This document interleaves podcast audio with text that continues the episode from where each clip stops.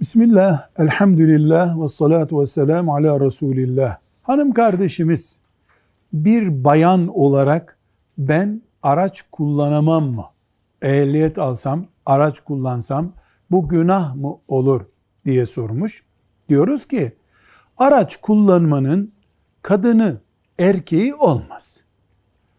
Eğer bir toplumda, bir örfte kadınlar da araç kullanıyorlarsa erkekler gibi kullanırlar. Ama araç kullanmanın kadına ahlaki risk getirme ihtimali olan bir ortam söz konusuysa savaş ortamı gibi e, devletin otorite zafiyeti gösterdiği bir bölge olması gibi bir sıkıntı varsa bu kadının zaten kendi iffetiyle ilgili düşünmesi gereken, can sağlığı ile ilgili düşünmesi gereken bir mesele.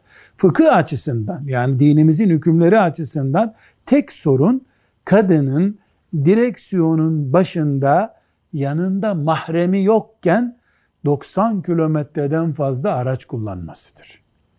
Çünkü Peygamber Efendimiz sallallahu aleyhi ve sellem kadının 90 kilometreden fazla bir yere bir tane, iki tane, üç tane kadın da olsa yanında mahremi olmadığı sürece gitmesini yasaklamıştır.